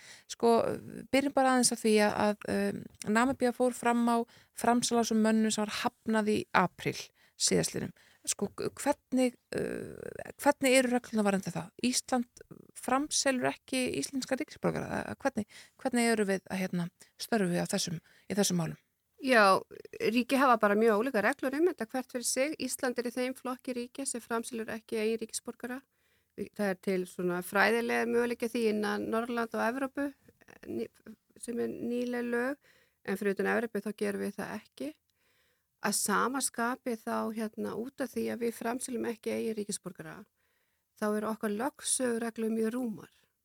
Þá samaskapi getur við ákjert okkar ríkisborgar, íslenski yfirvöld getur ákjert íslenska ríkisborgar sem fremja glæpi erlendis. Mm. Það, það ætla að tryggja það að það sé ekki að sleppa við refsingu. Mm. Svo það kemur þá vegur á móti. Mm. Og er algengt að fólk fái refsingu fyrir glæpi sem það framdi í allt öðru ríki, hér á landi og afplánið þá hér? Já, það er alveg til fjöldamörk dæmi um það. Þú ert kannski stættur í sumarleifa á Spáni eða annars staðar og fremur glæp og kemur heim og, og það er þá saksótt hér bara um alls konar glæpi, það er til fjölda dóma um það. Mhm. Svo hann að það er, það, þetta vinnur saman, ef þú neyta framsali og þá, þá ertu með þessa víður lögsögu eða þessa lögsögu að saksækja glæpi sem þínir þegnar hafa framverlandis en með þó því skilir þessi kalla tvöfald refsinæmi aðtöfnum þarf þá líka að vera refsiverð í því landi sem hún átti sér stað Mhm. já, og hér á landi. En, en, en hvernig virkar þetta núna þegar að nambisk eðvöld verðast byggja afstöðar Interpol því það einfallega að þessir þreiminningar sem að eru íslenski ríkisborgarar og, og störfuð fyrir samerja í Nambíu að þeir einfallega get ekki ferðast á annar landa en svo hættu að vera handteknir og farðið til Nambíu. Hvernig eru reglunar varandi þetta? Sko, nú veit ég ekki hvers eðlist þessi beini var til Interpol. Nei. Interpol er náttúrulega svona bara samstags aðili yfirvalda í hverju ríki og hérna eins og í þessu máli, eins og ég segi þekki ekki nákvæmlega hvað sér stað þarna, en í þessu máli þá eru bæði þessi ríki, Ísland og Namibía, þau eru aðila að sáttmála saminu þjóðana gegn spillingu frá 2003 og til dæmis í þeim sáttmála er bara stór kaplu um réttaraðstóð ríkja til að rannsaka mál gegn spillingu. Og oft í beðinu um slíka réttaraðstóð fara beinir í gegnum Interpol. Mhm. þeir fara síðan inn í dósmárarándi en það er oft gert í gegnum Interpol svo það, þú veist, ég veit ekki hvort það sé þess eðlis eða hvort það sé eitthvað annars. En auðvitað alveg svo Íslensk stjórnvöld rannsaka og hafa fulla lögsögu til að rannsaka glæpið sem fram í íslensku yfirráðsvæði það hefur Namibíja náttúrulega fulla lögsögu og forræði að rannsaka glæpið sem fram á þeirra yfirráðsvæði Mhm. og þau eru að rannsaka þessi mál og hafa, þú veist, full forræði til þess. Mhm. og hérna, og það kom nú fram bara í skýslu frá efnast og fráfarastofnun Evrópu núna í lokast 2020 þú veist, þar, þar var talað ofinberlega um samskipti þessar tvekja ríkja. Það er greinilega eh, samstarf á milli og hérna og það og svo stofnun er greinilega fylgist mjög náið með hvernig réttarast og ásist stað mellir landana Mm. það, þeir gerði nú aðtöðstundu það þeir fannst Íslendingar hafa verið eitthvað svolítið lengi að, að að, að verða við beinu réttar aðstofa, það tekið helmikið lengri tíma en almennar beinir annars, mér skilst Mm. Íslands stjórnvöld fáum á ári bara almennt beinu réttar Mhm. aðstofa í sakamálum. Mm. Af, af hverju heldur að þetta hafi tekið svona langan Ég tíma hér á veit landi? það ekki, það kom ekkert fram. Það hefði tekið sex mánu í staðin fyrir þrjá mánu. Mm. Samaskapi eftirlitsnefndi sem kom, tók fram, hún fyrir það að því að Ísland var ekki byggðin réttar aðstof frá Nabíu. Ég veit svo sem ekki hvað hefur gerst í millitíðinni. En Íslands stjórnvöld eiga að skila þessari eftirlitsnefnd aftur skýsli lók þessa ás varandi og þá meðal hans varandi þetta mál, hvað, hvað er, er að gerast. Svo það er augljóslega mikilt samskipt á milli og augljóst þá og að því við neytum framsal eins og þú segir þá er náttúrulega það komið fram, það er rannsókn í gangi hér, það er rannsókn í gangi úti, bæði ríki hafa rétt á að rannsaka glæpi sem eru framta þeirra uh, yfiráðsvæði eða hvort að glæpir hafa verið framtir og gefa út ákjæru í kjölfarið. Mhm. Sko alþjóðlega þetta er ekki eins smurt tannhjál og, og maður hefði ætlað Mm. og ég er ekki eins og innan Evrópu og hérna ef þú sko bara dómafrangandi Marta sáttmála Marta dómstól Evrópu í Strasbourg innan Evrópu er ekki einu sinni þú getur ekki treyst því að vera ekki saksótið tvisa fyrir sama glæp innan Evrópu það er ekki brota sáttmála að vera saksótið fyrir glæp bæði í Þýskaland og Fraklandi Nei. fyrir sama glæpin svo við erum þar Mm. og hérna svo að það er eins og ég segi líka í þessum samningi samnið þjóðana sem bæði þessi ríki sem þú vísar í eru aðra, þar er beinti ríkja að vera í miklu samráði hvað er vera ákjæra fyrir og annað og hérna auglýslega svo samvinna er í gangi með að við þessa fréttir. Mhm. Mhm. Eh, Þannig að það gæti farið þannig að, að uh, þessar einstaklingar verði, verði ákjærðir bæði hér á landi og í Namibíu og sakveldir á báðum stöðum. Já, já, það getur vel verið. Mhm. Og, og er það sangjant? Það getur verið fyrir stikvara hátsemina Já. eða Mm. stikun ángan af en þó svo að það væri fyrir nákvæmlega sömu hátsemi og sama brot. Sækvæmt alþjóðlegum er það ekki brota margin. Einmitt. Það er mjög forðanlegt. Já. En, en sko fyrst að Ísland hafnar þessari framsalsbeginni, hvað getur Indipol gert? Ég held að margir sem er að hlusta ímyndi sér Indipol sem eitthvað skonar lauruglu, hérna, uh, sko, já, bara lauruglu í lauruglubúningum og með vopn og allan pakkan. Uh, það er ekki alveg þannig eða hvað? Þetta er alltaf mikið til bara samræðsvettingur yfirvalda í hverju ríki Mm. og eins og segi það hefur nú komið líka fram bara í, það er alltaf rosalega ítalið skýslugjörð sem ríki eru með varandi þessi spillinga sáttmála og Ísland hefur nú fullgilt alla þeirra og verið fyrst til með söma þeirra með því vildu við leggja áherslu á málaflokkin. Til, til dæmis varandi mútur í erlendum ríkjum eða ekki? Jú, voru fyrsta ríki til að fullgilta þann sáttmála Já, til að leggja áherslu á málaflokkin og hérna, og þar kemur fram í þessi veist, Interpol er líka bara oft notað í þessi samskipti og er nú líka kannski áhugavert, sko, íslensku lögum í réttarastu var einmitt líka breytt núna, hvað í lók 2020 til að reyna að flýta fyrir réttarastu á milli ríkja og líka til að auka sjálfstæði ríkisaksóknara fram, sko, áður var það loka ákverður ráðara, dómsmálaráðara, hvort Mhm. að réttarastoð er þið gefin erlendur ríki. Mhm. Núna er það ekki, því var breytt núna í desember 2020. Já, Það, það er ekki, ríkisaksóknar hefur loka orðið það, ekki ráðara. einmitt. Svo þetta er svona mikið í vinslu. Já, já, en, en eins og nefndu hérna þá, þá uh, vi- vilja yfirvöld þannig að koma þremur Íslendingum til Namibíu svo þau getur búið vettni fyrir dómi hafa sko Íslendingar sem að sko er, eru, eru fengni að, að yfirvöld annar ríkja vilja að þeir byrju vettni geta Íslendingar alltaf sagt bara herðu, nei Það er fjöldi mála á hverju ári þar sem í rauninni vittni hér er að gefa og þá oft í gegnum svona ykkur tæknibúnað og hérna aðstóð, réttur aðstóð í málum erlendis Mhm. og alveg öfugt. Þú þarf svolítið að skoða bara sakamála réttur fara í hverju ríki. Sum ríki leifa ekki vitni yfirheyslur með teknibúnaði og ennur gera það. Er þetta breyst rosalega eftir hennan faraldur. Það hefur verið að breyta réttafarsreglum til að þetta sé hægt. En sum ríki leifa það og ennur ekki. Og svo, síðan kemur náttúrulega kannski líka oft sko, réttur aðlega að björgi vitni ef þú hérna, ert að opna einhverja á sjálfa þig að þú sekur um eitthvað og þú veist það kemur alls konar réttafarsreglur inn í það. Það þarf náttúrulega bara að skoðast í hverju máli. Mm.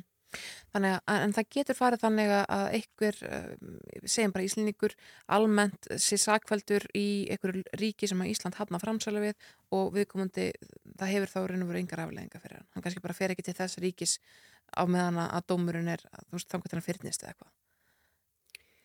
Eh, Það er möguleiki. það er möguleiki að sko sum ríki leifa að, að klára dómsakamál á þess að, að við komum til aðli séð á staðnum Já. sum ríki leifa, sum ekki það fyrir eftir marrættasáttmála útilökuð ekki þar möguleika eitthvað sér dæmdu þó hann sé ekki á staðnum jafnveg marrættasáttmála á Evrópu, það er alltaf möguleiki að það sé hægt að Mhm. dæma eitthvað ef hefur, ef það er sínt fram á að, til ídrasta, hann hefur látið vita af réttarhöldum og hefur að leita að hann það er svona, þetta er algjör undatekningar en þetta er, þetta er alveg til dæmi um það nú ef ykkur fær á sér dóma erlendist þá fara náttúrulega handtöku heimildir á stað og, og annað slíkt Mhm. og en að sama skapi og í þessum sáttmála samni þjóðana ef þú neytar framsala grundvelli hérna ríkisborgarréttar þá er þess, þá ert að fara sjálfur að stað í saksók Já. Þetta er náttúrulega tölvöld flókið laga umhverfi, allir þessi sáttmálar og, og, og þessi lög, þetta hlýtur að sko tefja fyrir rannsóknum að mörgum álum. Vissilega, en að, sam, að tefja og ekki tefja samaskapi eru eins og í varandi spillingamál og mútur. Sko í rauninu er þetta fjórir alþjóðlega aðeinar að fylgjast með þessu, svo það kannski líka flýti fyrir. Ég segi það var nefnt hérna hvað 2020, hún er að taka okkur aftur út í lók þessa ás, samnið þjónur, sáspillingarsamningur er fljótlega komið í eftirlit og með þetta mál, þegar þetta er komið upp, veist, þetta er allstæðri fjölmjölu, það er komið ofnbörlega fram að bæði ríkis við að rannsaka þetta, svo það er mikið eftirlit hvernig þess að mun vinda fram, svo það, er- það, það er smá tímapressa þó að það sé já, margir samningar og annað, en það þýðir að það eru fleiri aðlur að fylgjast með. Þannig að það er mikið svona pressa á íslenskum stjórnvöldum að gera þetta almenlega uh, að jafnvel ákjara þessu máli ef að það er ástæð til og svo framvegis að að það sé engum, engum sko hlífiskildi haldið yfir þessum uh, íslensku ríksborgurum. Ég held að, eins og ég segi, þetta er svo mikið, þetta er svo vel sett uh, milli ríkja og eftirlit sem er búið að koma á. Svo koma náttúrulega bara alls konar pólitískar ástæður, menna Ísland er nú að fara að taka við fórsett í Evroparáðinu núna í nóvambur á þessu ári og það er að vera nú í fylkingu líðræðisríkja og það er nú mikil áhersla á baráttana gegn spillingu og annað. Svo það eru líka aðri þættir held ég sem hafi enn setir okkur svolítið í kalla sem þetta mál. Æmitt. Reysavaksamál, samaræmálið í Nambi og það er alveg rétt. Þórti Singadóttir, sérfræðingur í alþjóðlum refsrætt. Takk kærlega fyrir að koma til okkar í morgun útvarpiður ás 2. Við ætlum að ræða leggja konguló, komið hennar til landsins hér eftir skamastund og svo ætlum við að heyra þess í sævari, stjórnusævari okkar. Já, já, einmitt hann er alltaf að tala um heim vísindana eins og alltaf annarkvinn þriðudag hjá okkur. Einmitt. Ætlum að byrja því að skipta yfir á fréttastofuna, heyra hvað þau hafa að segja, vantalega með nýjus og tíunda veðrinu og allt hvað eina. Um, en fyrst er lagið Umbrella með Ríónu, það er full ástöndi þess, það er, það er votviður úti, það er bara þannig. Uh-huh, uh-huh. Yeah. Uh, Rihanna. Uh-huh. Good girl going bad. Uh-huh. Take three. Action. Ho. No clouds in my stones. Let it rain. I hydroplane in the thing coming down like a Dow Jones. When the clouds come, we gone. Rockefellers, we fly higher than weather, and cheap vibes are better. You know me, in anticipation for precipitation, stack chips with a rainy day. Jay, Rain Man is back with Little Miss Sunshine. Rihanna, where you at? You have my heart, and we'll never be worlds apart. Maybe in magazines, but you still be my star. Baby, cause in the dark, you can't see shiny cars.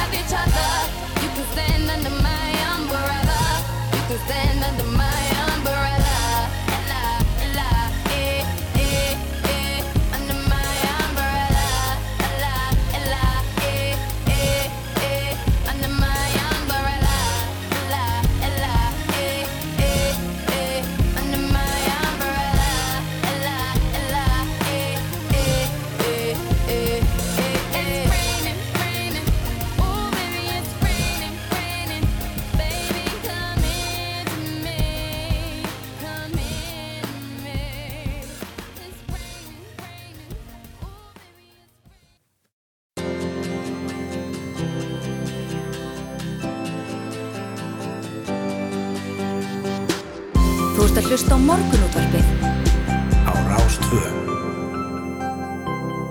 Jú, frétta við þetta baki og morgunútvarpið heldur hér áfram en svo kvölduð leggja köngulóm virðist hafa sest að hér á landi. Hún er eitrun eða talin skadlusmönnum, býtur ekki nema henni sé ógnað og eitrið veldur í vestafalli léttvægum sviða. Eh, Mattias Svavar Alfredsson, skortýrafræðingur hjá Náttúrufræðistofnun Íslands er komin ykkar til okkar, góðan daginn. Góðan daginn. Sko, þessi leggja könguló er kannski nýri landnemi hér en hún er svona nokkuð algeng í löndunum í kringum okkur eða eitthvað. Já, það er rétt. Hún er mjög algengi í, í nágránlöndum okkar og við finnum hana bara fyrst hérna 1988 Mhm. og hún er svona slæðingur með innflutningi, Mhm. vöru innflutningi og hérna síðan bara er hún orðin landlega í dag. Já, hún, hún er svona hérna, já, ófríðileg, eh, getur við sagt, hún, hún er ófríð en, en svona tiltölulega hættulegs. Já, mér veist hún bara ansið falleg og hérna hún er bara algjörlega skadlaus og hérna bara bjóð manna velkomna bara. En hún getur bitið ef hann er ógnað. Hva, hvernig ógnað maður köngulú? Bara að þú ert að í hana eða vonduð hana sko, annars það var engan áhuga á okkur. Nei, nei, og, og þær eru vissulega eitraðar en, en eitrið veldur svona, hérna, já, litlum skada. Það eru bara næstu allar kongular eitraðar. Já, það er þannig, já. Já, það er ein tegund hérna, fjæðakonguló sem er ekki eitruð. Mhm. En síðan er bara spurning hvort það ná að býti gegnum húðina okkur. Já, já, ég veit. Þannig að í rauninni alltaf þegar við verum eitthvað að henda einhverju konguló út um klukkan þá er hún eitrið og gæti látið finna aðeins fyrir sér. Það er nú helst bara krosskongulóin og, og þessar stærri tegundir sem að ná að býti gegnum húðina okkar. En, en ekkert Nei. hættulegt sko. Sko, hvað með önnur dýr? Ég meina, það er aðeins línandi veður, loftsarsbreytingar og svo framvegis. Uh, getur við verið að sjá sko, innflutning fleiri skortýra á næstu árum sem að jafnvel er skaleg? Um, náttúrulega loftlagsbreytingar þær hafa áhrif á lífriki almennt. Og það eru helst gróður breytingar sem hafa áhrif á þær breytingar sem verða á smátýrafáninu Já. og hérna eru við stöðut að, að- að flýti inn nýjar tegundir eh, með vöru flutningum síðan geta það borist með vindum og jafnvel með farfuglum eins og skóamítillin Mhm. þannig að hérna, þegar gróðurum breytist þá fylgja smátýrin og, og, og hérna og síðust árum þá hefur við verið að sjá fleiri og fleiri nýja tegundir nema hérna land með, því að bara aðstæður eru að breytast Já. og hérna Það segir hér á, á vef náttúrufræðstofnunar að þetta séu um já, 1375 tegundir skordýra sem er innan landlægar og um 280 tegundir sem á slæðst til landsins með einfluttum varningemitt og það er líklegt að já, þeim fjölgi þá tölvert bara samlega loftarsbreytingu.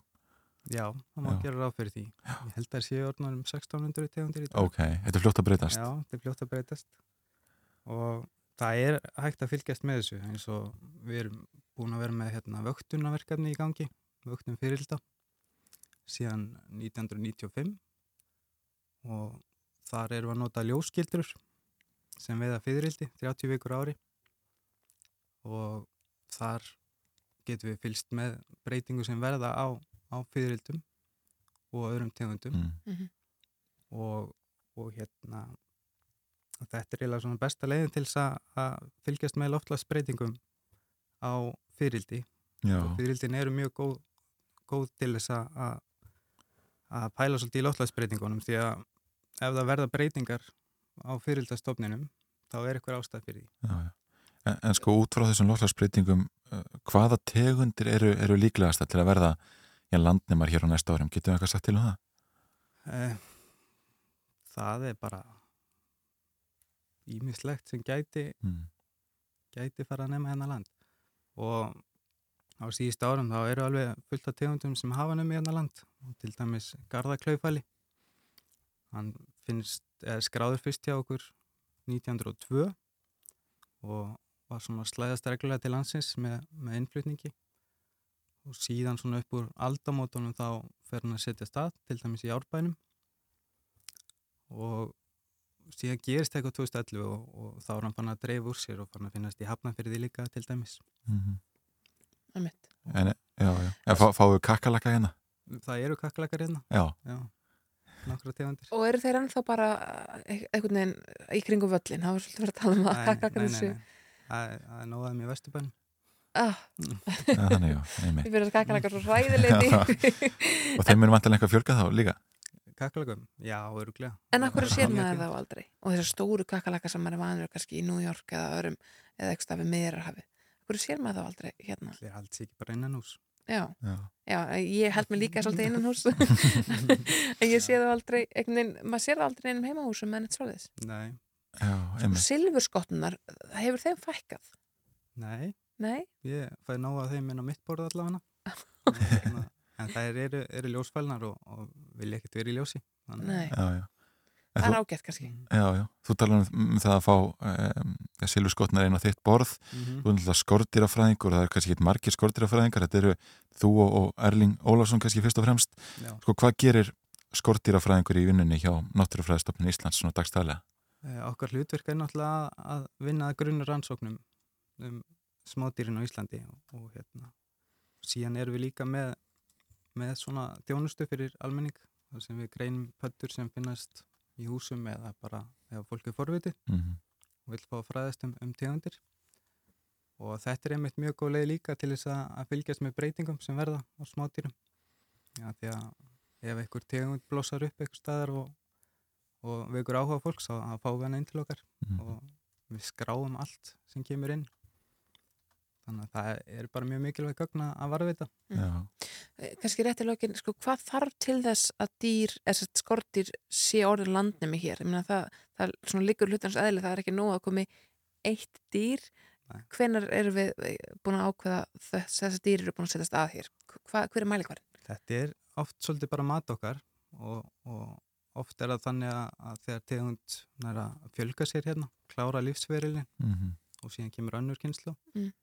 Þá er hún búin að setja stað eins og til dæmis með skóamítilin hann er ekki talin landlagur í dag af því að við höfum ekki fundið lirfustíð Já, þannig að við vitum ekki hvort að hann klári lífsferilin eða komi bara með farfuglum á hverju ári. Já, já, það er ágætt. Já, Já, það er, er ágættis fréttir. Þetta má alltaf gera ráð fyrir því að það verður alltaf sífælt meira að gera hjá þér í vinnunni samlega loftarsbreytingum Já og, hérna, og þetta er bara að fara að verða ansi mikið fyrir einn og hálfa mann. Já, einmitt Mattias Svavar Alfredsson, skortirafræðingur hjá Náttúrufræðistofnun Íslands þakkaði kjærlega fyrir að kíkja til okkar í morgunútvarpið Takk fyrir mig Við ætlum að halda áfram að ræða þess vísindin hér eftir skamastund við hann sævar okkar en fyrst er það lagið Röttin í klettunum með Gugusum.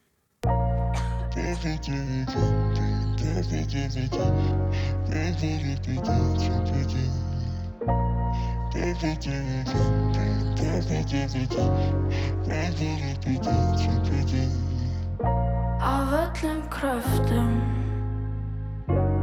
Nóttin var köld og hljó Alheimurinn starir á mig Vill losna við sig.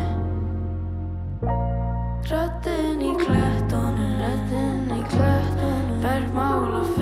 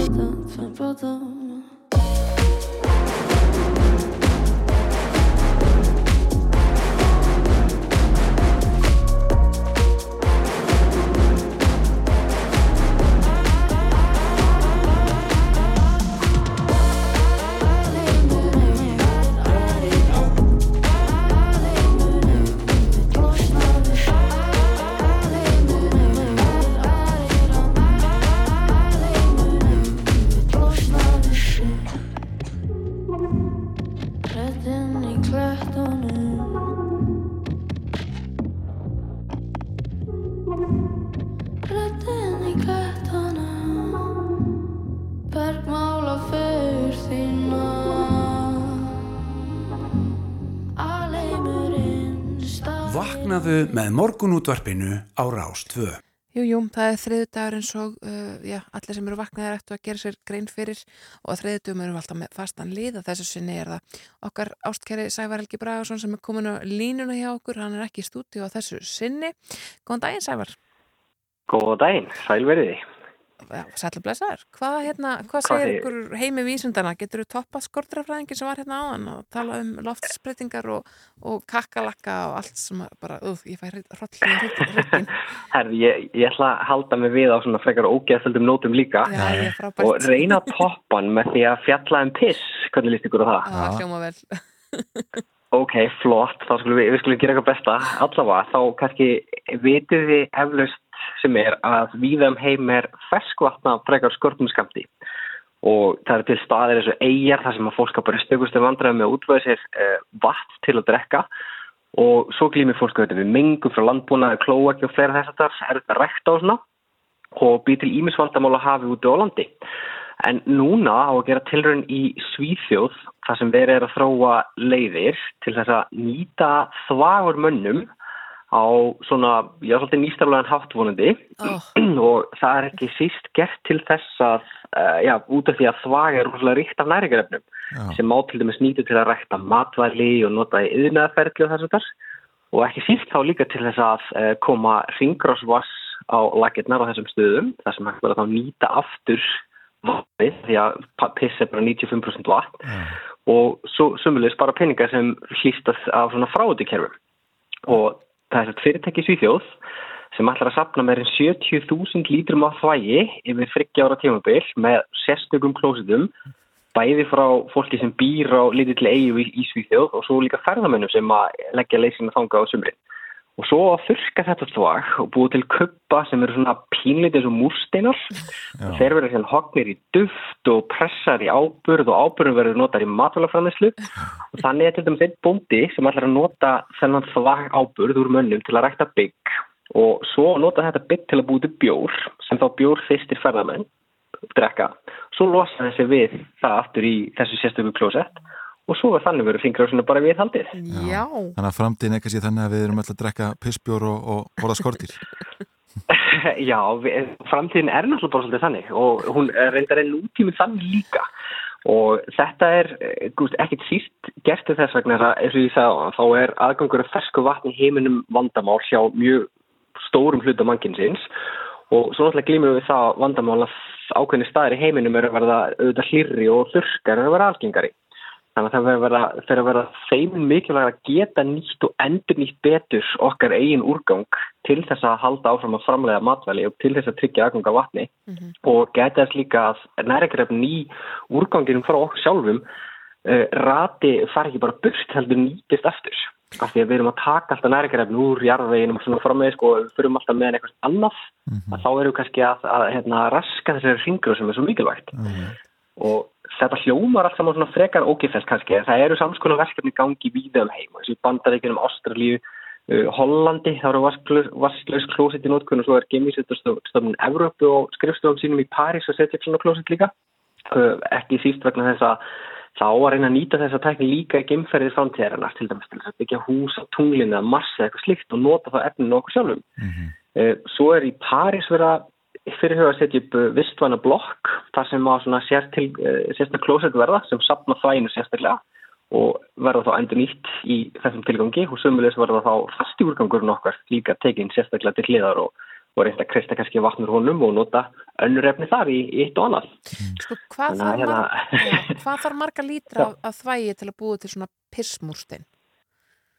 Ég, það er örgulega talað mikið sko af því að hérna það er 95% bara vatn eins og sagði og svo er ímið svona næringarefni í uh, þvæginu sem við viljum kirkli ekki endilega nota í ábyrðin uh, en við þurfum einhvern veginn að ná til dæmis í nitri og fósforin og það getur það er örgulega einhverjir margir margir lítrar af vatni sem fara, af pissi sem fara í það búið til eitt svona, hérna, eitt svona stein sko. En það er alltaf læg vegna þess að meðal maður er kannski pissa svona einum hálfum lítra á dag þannig að það er svona hvað, hálft tonn á hérna, ári.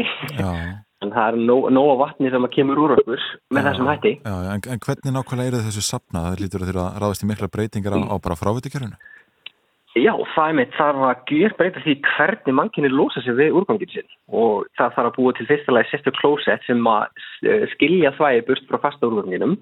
Og þannig að það þarf að búa til nýja tegund klósetta og svo þarf að sapna þessu saman í einhvers konar hólf hvort sem er í kjöllurum eða jafnvel bara í klósettinu sjálfu sem það þarf sinna að tappa af. Þannig að það þarf að tengjast einhvers konar söfnunabíla og söfnunabílarnir þurfa að flytja það í vinslustöðar og þar þarf að hérna, þurka allt saman, taka vatnið úr og, og taka næringarefni frá sumulegis og líka geta þess að hérna, uh, þegar við finnum lyktapissinu þá er það ammoniak sem að er að myndast. Einmitt. og það þarf að gæta þess að það losni ekki eða fari ekki í efni líka þegar það getur haft áhrif á gæðin og, og bara valdi mengunu þetta líka. Mm. Það, að það er líka er- það bara er svona í- hættulegt innanundir, er það ekki? Jú, fyrir utan það, það er bara er ekki gott að anda sér ammoniaki þannig að hérna, það þarf að fyrir leið til þess að koma veg fyrir að það streymi burt. Og það er mitt hefur verið svona, svona vandamál í svona frumgerðum ímiskonar svona klósetta að e, já, það hefur stundum verið vondlikt sem fylgir þeim að því að takni hefur kannski verið alveg upp á sitt besta. En sem betur fyrir þá eru vísindastofnir um allan heim einmitt að vinna í það því að þróa nýja tegund klósetta. Vegna þess bara að við vitum hversu mikilvægt það er fyrir eh, heim sem að telur síðan fleiri menn á stöðum sem erfiðar verður að búa að nálgast svona tækni. Og ekki síst líka stöðum þar sem eh, kannski sjúkdómar er að grassera, kólera eða eitthvað slíkt flóttamannabúðir þar sem að svona tækni geti gert líf fólks sem þar er pínulítið skarra og ekki veitir af. Uh, en svo þarf náttúrulega líka að drepa bakterjur í þessu þvægi líka þannig að það að láta hérna eins og til með spændur fátæki getur haft svona búna hjá sér sem tækir þá við þvæginu sett í tanka og það látið svona eldast í smá tíma til að drepa bakteríunar og svo myndið þið nota til þess að eh, setja á agrarna sína. Þannig að þetta hefði ekki bara áhrif á umhverfið þannig, þannig með því að bara draga úr þörf fyrir því að framlega nýjan ábyrð því að til dæmis menn framlega nógu mikið af þvægi til þess að leysa pól með eitt fjórða af nitur og fósfor ábyrða framleyslu heimsins og það er engin smá mengun sem fylgir slíkri framleyslu og svo er líka þvægi kaljum og fullt af öðrum næringarefni sem plöntum þurfa til að vaksa. En hva, hvað með önnur spendir? Mér nú fellur ekkert smá mikið til að þvægi til þessi fjósum landsins. Eh, Var þetta nota uh, kúarand? Jú, það væri einmitt akkurat takt að gera það og ég veit að það var gerð tilrönd í Þýrskalandi núna í fyrra þar sem verið var að reyna að klóset sjálfa kýr. Og já, og það var verið verið að fá það til þess að ganga allar inn í, inn í klósett og ef það stóðu sér vel að þá hérna fenguðu að verðlun en ef það stóðu sér ekki vel, pissuðu utan við klósetti þá var sprautaðið það er svona pínlítlu vatni. Þannig að svona smá, smá refsing sem að hl- hlusta því og það var hægt að þjálfa alveg stóran hluta af kúnum sem þar voru á vatni og þetta var einmitt gert til þess að, hérna, geta sapna saman næringarefnum og nýta það aftur en líka til að koma í veg fyrir myndun mengandi efna eins og ammoniaks og jafnvel gróðrúsloftundur líka. Já. Þannig að Og það er hland aftur- búskapur getur verið eitthvað sem, sem við sjáum á næstunni. Já, heldur betur. það er bara held ég alveg nöðsynlegt að, að gera þetta vegna þess að við líka glimum við það að e, víða um heiminn eru gamlar og úrsikking eða gömul og úrsikkingin frá þetta kerfi og það er alltaf aukast álægi á þeim þannig að ef, ef við getum einhvern veginn dreigið úr þessu álægi og líka spara vatn og tryggt að næringarefnin haldist betur í fingrás að þá eru að leysa ansi mörg vandamál sem að er að valda okkur ennþá fleiri vandamálum. Þannig að þetta er jú, framtíðin er bara svona, svolítið svona að reyna að hug, hugsa heiminn miklu betur í hringrás og það er okkar eigin úrgangur sko alls ekki undanskilin. Munda skóla ávistan elskan fær allt í hennu bara nýja merkingu að Já, já, já, akkurat. Hvað heldur þessi langt í að, að- að þetta geti gerst? Þessi, að þetta Já, þetta er bara að svona núna og já, svona almennt. Ég myndi nú, það- þetta er nefnilega fer líka svolítið eftir hvaða hugmyndir við sjálf höfum, höfum um þetta og hversu svona geðslegt okkur þykir þetta. Þannig að hvort þetta ná svona almanna hilli, það kallar einhverja hugfarsbreytingu í okkur sjálfum. Þannig að ég myndi segja að það væri nú orðið einhverjir ára týri að þetta verði bara svona partur af daglegu lífi og eðlilegt. Já, hérna fólki sem hryllir við öllu þessu sem að kemur úr okkur. Þannig að það getur tekið tíma, en kannski verður tæknið mitt svo bara góða, eða hérna, þetta verður bara frábært og ekkert mál fyrir flesta að tilhenga sér þetta. Já, ertu með eitthvað fleira í pókahotna Já, ég, svo sem ekki mikið meira sko, en ég get svo sem kannski minnst á eitt hérna, uh, ég er ekki bara orðið ágætt. Jú, ég, Ég var með einhverju fleiri punkta, en ég held þetta er bara fínt að, fínt að enda á þessu. Ég ætla Já. alltaf að reyna að toppa skortýrafræðinginu, vonandi gerðist það Já, líka. þið tókst það algjörlega, takk að kella fyrir Já, frábært. bara er hérna, verandi pínu klíugjöld kona er bara hérna, hefða ágætt hérna í stúdíói Akkurat, og það má ekki, kannski má skjóta þeim punkti að þetta er náttúrulega náttúrulega ferli sem við hefst í dag. Þannig að fólk eh, losa sig við morgunkaffibótlan núna eftir, þá náttúrulega styrsta fólk því niður í klósetti sitt og klósetti flipur vatn út í sjóin og það guð verða upp og verður að rigningu og hún fellur núna sem snjór og svona, þannig að við borðum snjóin og, þú veist, allt þetta. Já, já. Ekki Þannig að svona er bara náttúrulega. Einmitt. Já, hann er betri en sá er það ekki? Fullt að næringar er mjög honum. Já, það er Já, svona Sævar Helgi Bræðarsson, takk kærlega fyrir spjallið Ég vona að það hafa verið gott Takk fyrir. Já, já, Sömuleiðis, fólk- takk, takk. Fólk tekur þetta inn í vinnudaginn, skordýrin og, og, og hlandið, hlandbúskapin, vona ég. Já, já. En við erum búin að fara nokkuð við í þættinum í dag, við rættum við Óskar Hallgrímsson, eh, ljósmyndar á myndlistamann í Úkrænu, um stöðumála þar, við rættum við Vöndu Sigurgjersdóttur, sem býður sér aftur fram til formans KSI, við ætlum að ræða við Sævar Pétursson, sem einnig býður sér fram á morgun. Mm einmitt.